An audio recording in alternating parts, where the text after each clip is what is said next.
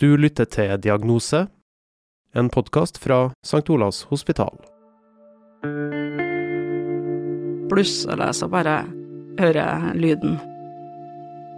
Og så sier jeg Hører du lyden? Det er ikke noe lyd her, sånn. Jo, det er lyd her, se. Da har jeg fått tinnitus. Og den er der 24 timer i døgnet.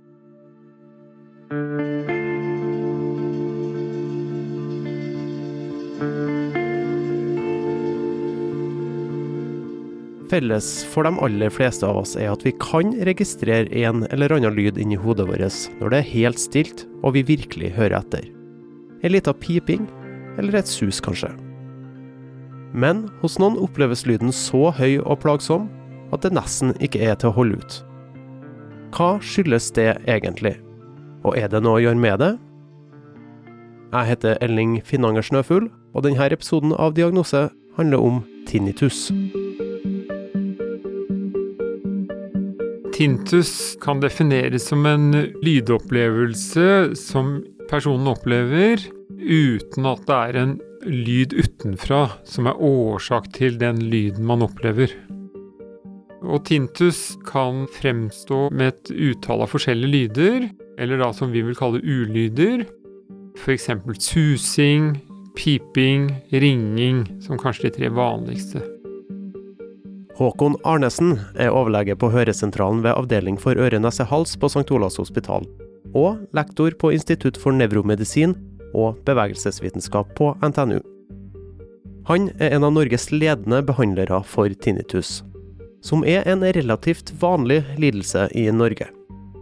Når man ser på befolkningsstudier i Norge og andre land, kan man litt forenklet lage en hovedkonklusjon på at ca. 1% av befolkningen har betydelige plager av tintus, og ca. 10% av befolkningen har plager av tintus innimellom eller litt hyppigere enn det.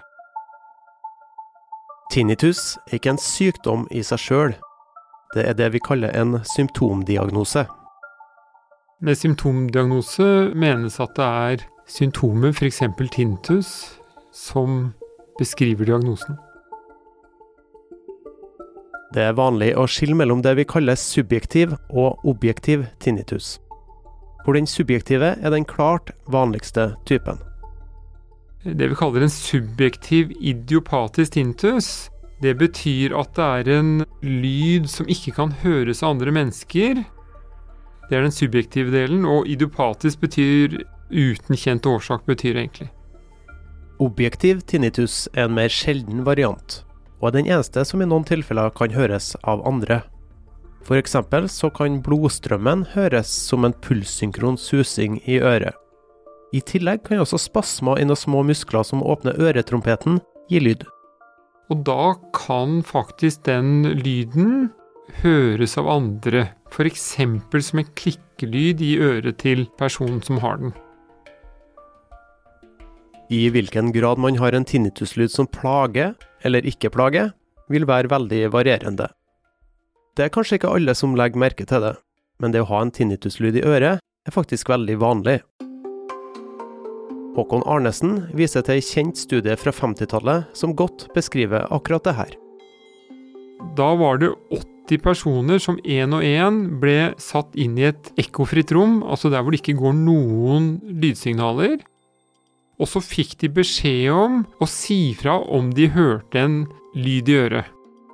Og da oppga 75 av disse 80, altså 94 at de hørte en ulyd eller en lyd i øret, og disse hadde altså ingen kjent tinnitus fra før.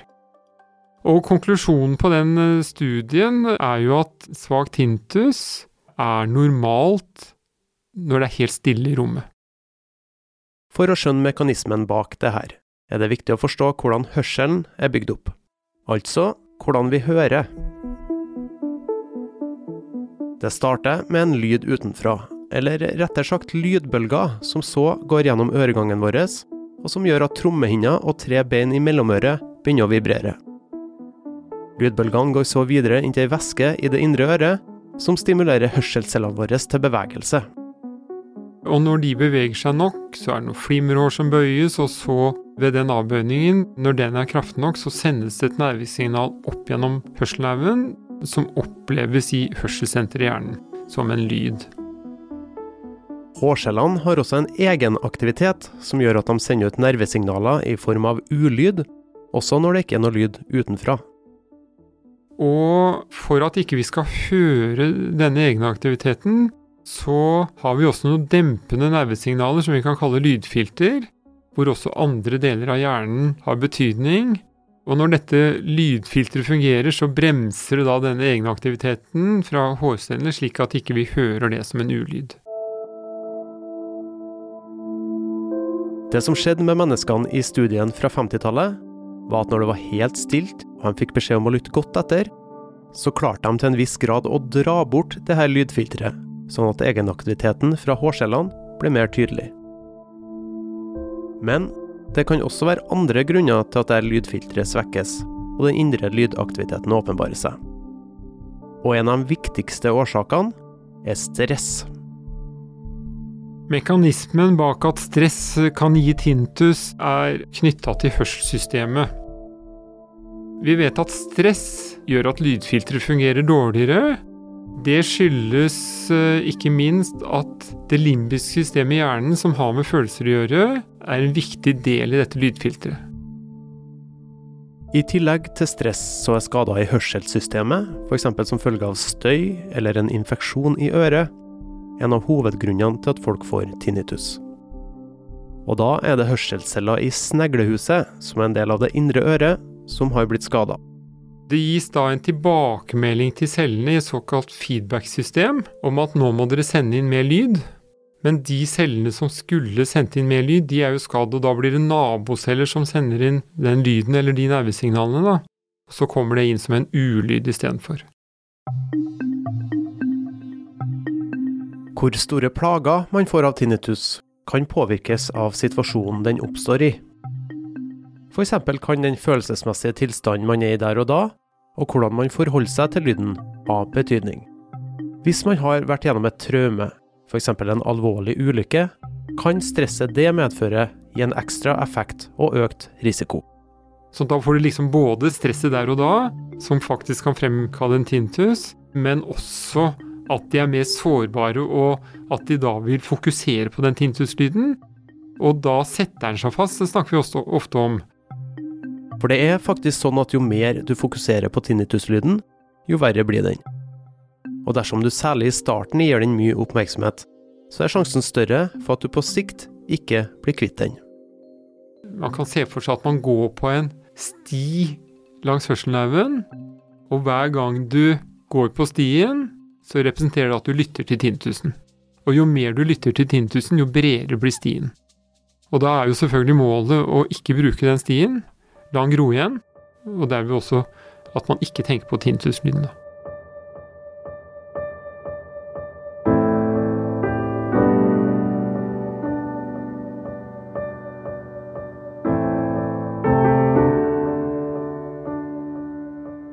Den lyden jeg har, det er faktisk eh, prøvebildet på NRK, for den som kjenner til det. Så det er en sånn sus og Ja, det er vanskelig å forklare den.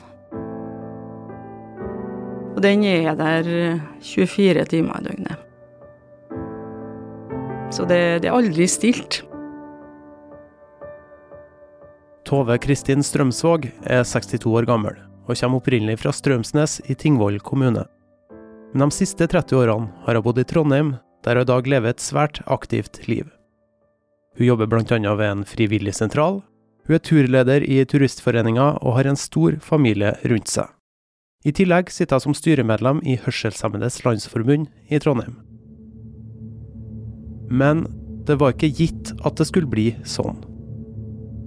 For tolv år siden skjedde nemlig noe dramatisk som skulle snu livet på hodet.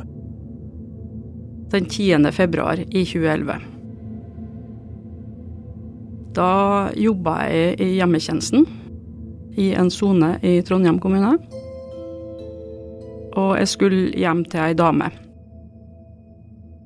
Tove har slitt med sterkt nedsatt hørsel hele livet pga. en arvelig tilstand, og fikk sitt første høreapparat allerede som seks-sjuåring. Med årene har også hørselen blitt dårligere. Hun hadde på seg høreapparat også denne dagen, men fikk ikke med seg brannvarslingsanlegget, som ula idet hun kom til huset. Jeg hørte ikke noe brannvarsler når jeg sto utafor huset hennes. Derfor hadde vi nøkkel, så vi låste opp døra, og så åpna døra, og da hørte jeg brannvarsleren inn der. Når jeg sto ute i gangen der, så så jeg inn på stua. Jeg så ei svart stripe i taket der, over hele stuetaket. Og så tenkte jeg det var litt merkelig. Jeg hadde med meg en sykepleierstudent, men hun hadde kjent hva varmt det var inni der, og det kjente ikke jeg. Sykepleierstudenten springer ut og slår alarm. Men Tove fortsetter inn i huset for å se etter pasienten. Hun brukte å sitte inne på stua i en stol, men der satt hun ikke.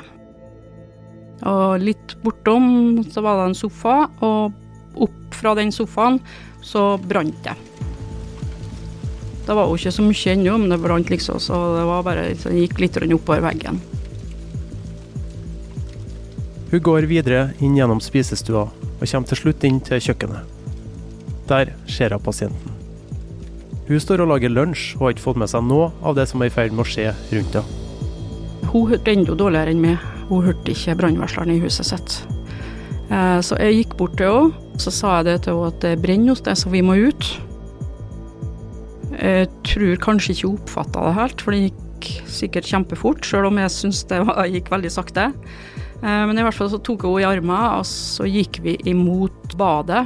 For, for å komme ut der jeg kom inn, så kunne vi gå gjennom badet. Idet hun har kommet seg midt inn på badet og ser foran seg, så stivner hun til. Hele gangen der hun skal komme seg ut, står nå i full fyr. Da bare liksom kjentes det ut som jeg satt fast i gulvet, så jeg klarte ikke å bevege meg. Da begynte det å komme noen sånne små eksplosjoner og sånn. Klirra i glass.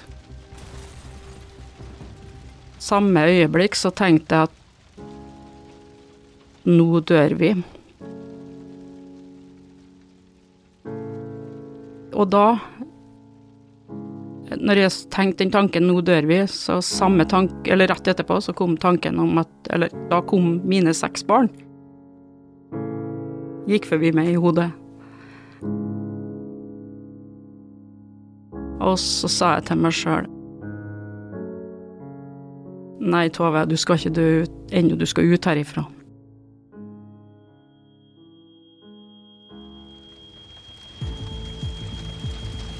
Jeg dame òg. og sjøl om jeg syns det her gikk kjølesakte, så hadde det sikkert gått fryktelig fort, for hun så ikke at det brant henne. Og jeg snudde henne og gikk tilbake på kjøkkenet. Og så så jeg nedover mot spisestua, og så så jeg at der sto det også full fyr. Jeg så opp på kjøkkenvinduet og kjøkkenbenken, så tenkte jeg jeg klarer å komme opp og ut her, men jeg får ikke med meg henne. Tove prøver desperat å finne en vei ut. Hun kikker rundt seg i leting etter ei løsning. Så oppdaga ei dør. Så tenkte jeg er heldig nå, så går den døra der ut. Jeg gikk bort til døra. Den var låst med en smekklås eller en nøkkel, jeg husker ikke akkurat hva. Og så var den låst med ei sikkerhetslenk. Når jeg skulle av med sikkerhetslenka, så skolvet såpass at den hekta seg fast hele tida. Så jeg brukte jo litt tid for å få ut, men jeg fikk noe av den til slutt. Åpna døra og så heldigvis at det var ut. Og bak det så eksploderte det enda mer. Men når hun åpna døra, så sendte hun ut først, og så gikk jeg etter. Og så slengte jeg igjen døra bak meg. Og da eksploderte alle vinduer fra andre etasjen og kom haglende over oss.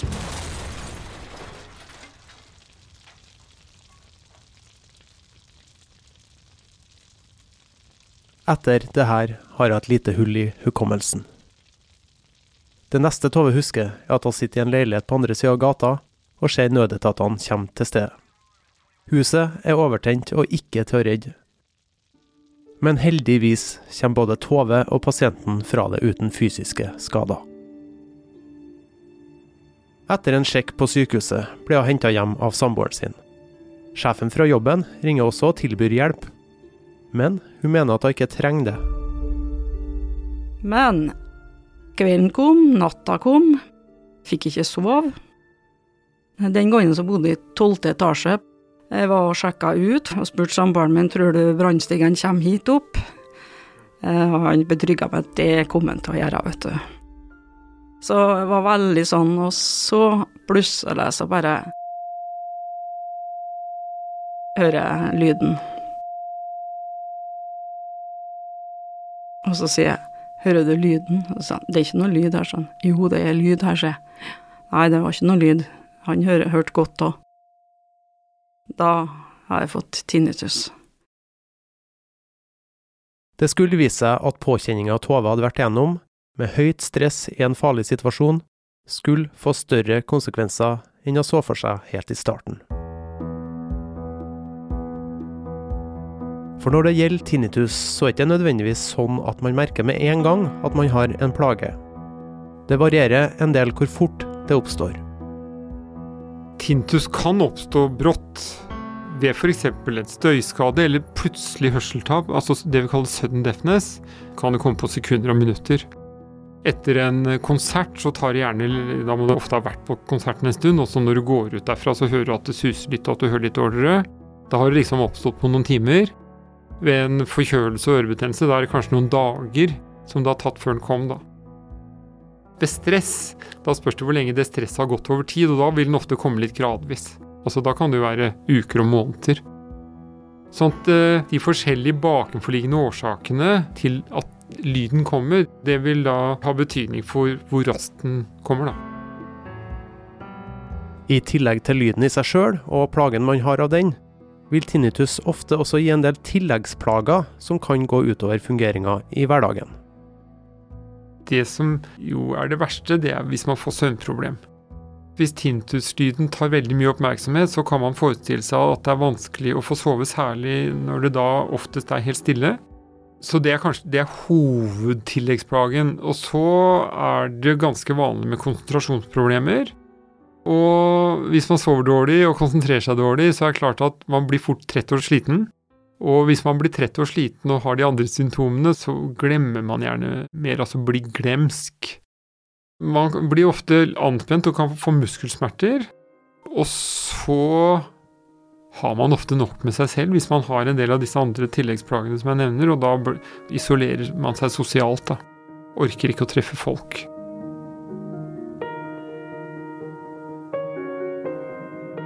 Hele første året med i 2011, det var ganske tøft og tungt. og Jeg fikk jo posttraumatisk stresslidelse i tillegg til tinnitus.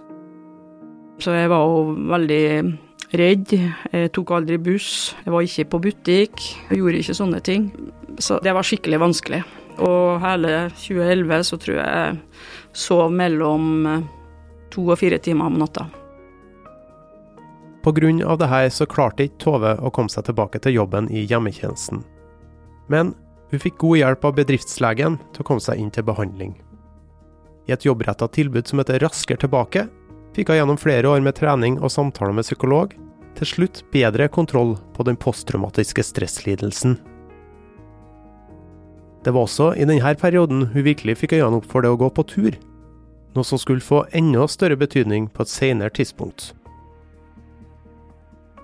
Men etter de første årene var tinnitusen fortsatt sterk. Hun trengte mer spesialisert oppfølging, og det var da hun ble henvist til øre-nese-hals-avdelinga på St. Olavs hospital. Når pasienter henvises til St. Olavs hospital med tinnitus, blir de først innkalt til et heldags informasjonskurs om tinnitus. Når det kurset er ferdig, så kan de velge seg individuell oppfølging og det vil fortrinnsvis være enten hos audograf audiograf, som da tar høreprøve, gjerne ser i ørene, kanskje starter med noen tekniske hjelpemidler som høreapparat f.eks. Eller så ender de i tillegg hos lege som gjør en grundigere undersøkelse av øret, og som har kanskje en litt grundigere samtale. Det finnes ikke noe kjent kur for tinnitus. Men det er en rekke ulike tiltak som kan settes inn for å behandle tilstanden, og lære folk å leve bedre med den. Når det gjelder behandling av tinnitus, så er jo det enkleste rådet å unngå stillhet. og ha litt lyd rundt seg. Det er en del av de med tinnitus som plages også med lydoverfølsomhet, og da vil lyd rundt også kunne øke tinnitusen. Så da må man være litt mer forsiktig. Men hvis du har tintus og ikke lydoverfølsomhet, så er det unngå stillhet som er nummer én i behandlinga, faktisk. For å dempe den tintuslyden. Utover det da, så er jo rådgivning, sånn som vi gjør på det kurset vårt, viktig. Og så kan det være aktuelt med hjelpemidler, og da snakker vi om høreapparat, såkalt lydgenerator som gir en sånn stort sett sånn hvit støy, altså som også kan kombineres med høreapparat. Så det er for å unngå den stillheten. Og så kan det også være aktuelt med det vi litt kort kaller en lydpute, hvor du har en høyttaler under puta, hvor du kan koble til forskjellige naturlyder, f.eks. Og det er rett og slett for å få opp bakgrunnslyden på natta for å få sove. Ei sånn lydpute benytta også Tove seg av. Vi leita en del før hun fant ut hvilken lyd som fungerte best på hennes tinnitus. Men til slutt landa han på gregoriansk folkemusikk.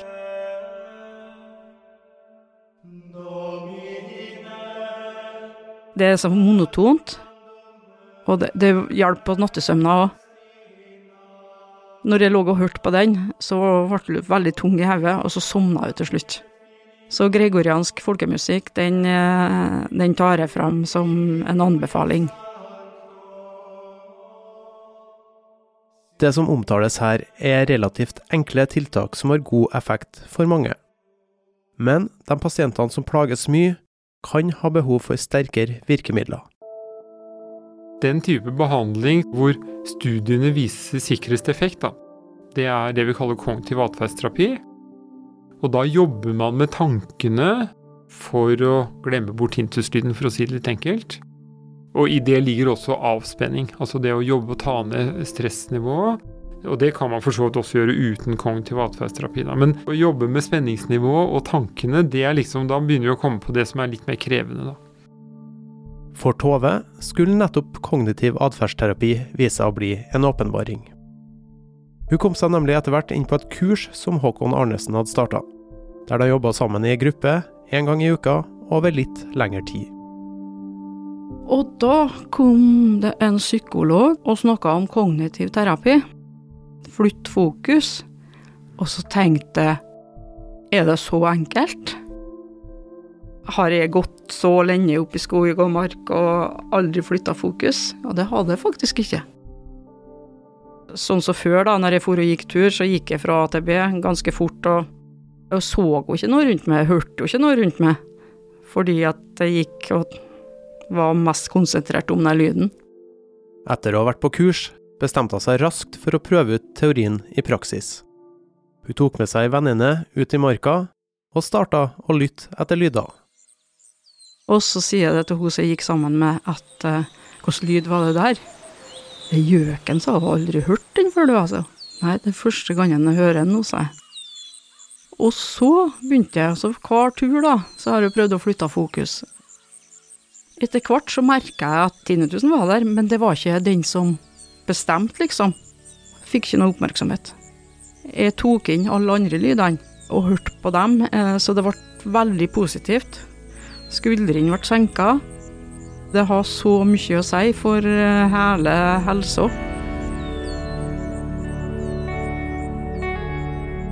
Etter den dramatiske brannen og i behandlinga etterpå tok turene i naturen en stadig større plass i livet til Tove.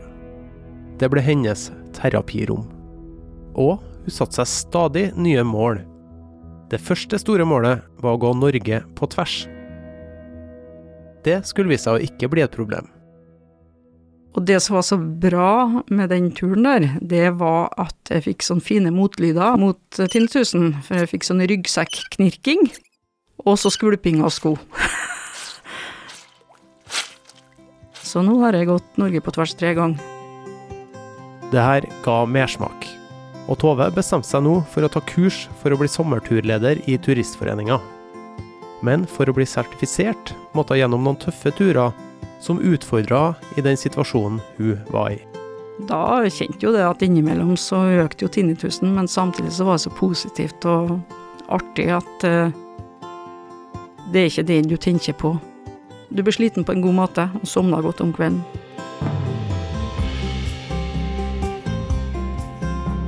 Det Tove Kristin Strømsvåg gjorde da redda et annet menneske under brannen i 2011, har blitt lagt merke til. Hun har senere mottatt flere priser, der den mest høythengende er bronsemedaljen fra Carnegies heltefond. Hun har også brukt sine erfaringer med tinnitus for å hjelpe andre i samme situasjon, bl.a. gjennom å holde foredrag på kursene på St. Olav. Og hun er klar på at sjøl om det er naturen og turene som har hjulpet hun, så er det mange andre aktiviteter også som kan hjelpe for å flytte fokus. Men det må være lystbetont. Og det sier jeg når jeg går fra kurset her og nå, så sier jeg prøv å finne noe som dere liker å holde på med sjøl. Finn noe som er positivt for deg. Det var en gang en godt voksen mann som kom bort til meg og så sa han at han plagde så galt med tinnitus. Og så sa jeg ja, men er det noe du liker å holde på med? Ja, han likte å være ute i båt. Ja, men da drar du ut i båt, og så prøver du å flytte fokuset. Ja, men det gikk ikke an. Jo, så sa jeg det går an. Hvis du prøver.